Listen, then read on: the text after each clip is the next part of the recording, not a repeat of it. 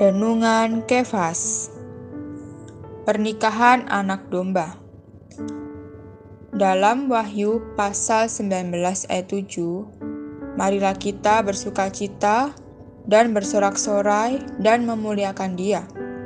Karena hari perkawinan anak domba telah tiba dan pengantinnya telah siap sedia.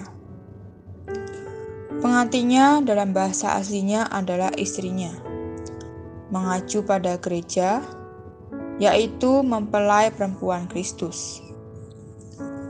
Tetapi menurut ayat 8 sampai 9, istri di sini mempelai perempuan Kristus hanya meliputi kaum beriman pemenang dalam kerajaan seribu tahun.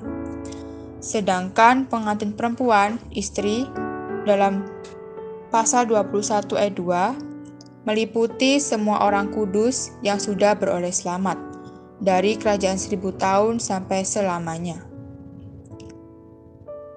Kesiapan mempelai perempuan tergantung pada kematangan hayat para pemenang. Selain itu, pemenang bukanlah individu-individu yang terpisah, melainkan pengantin perempuan korporat. Untuk aspek ini diperlukan pembangunan.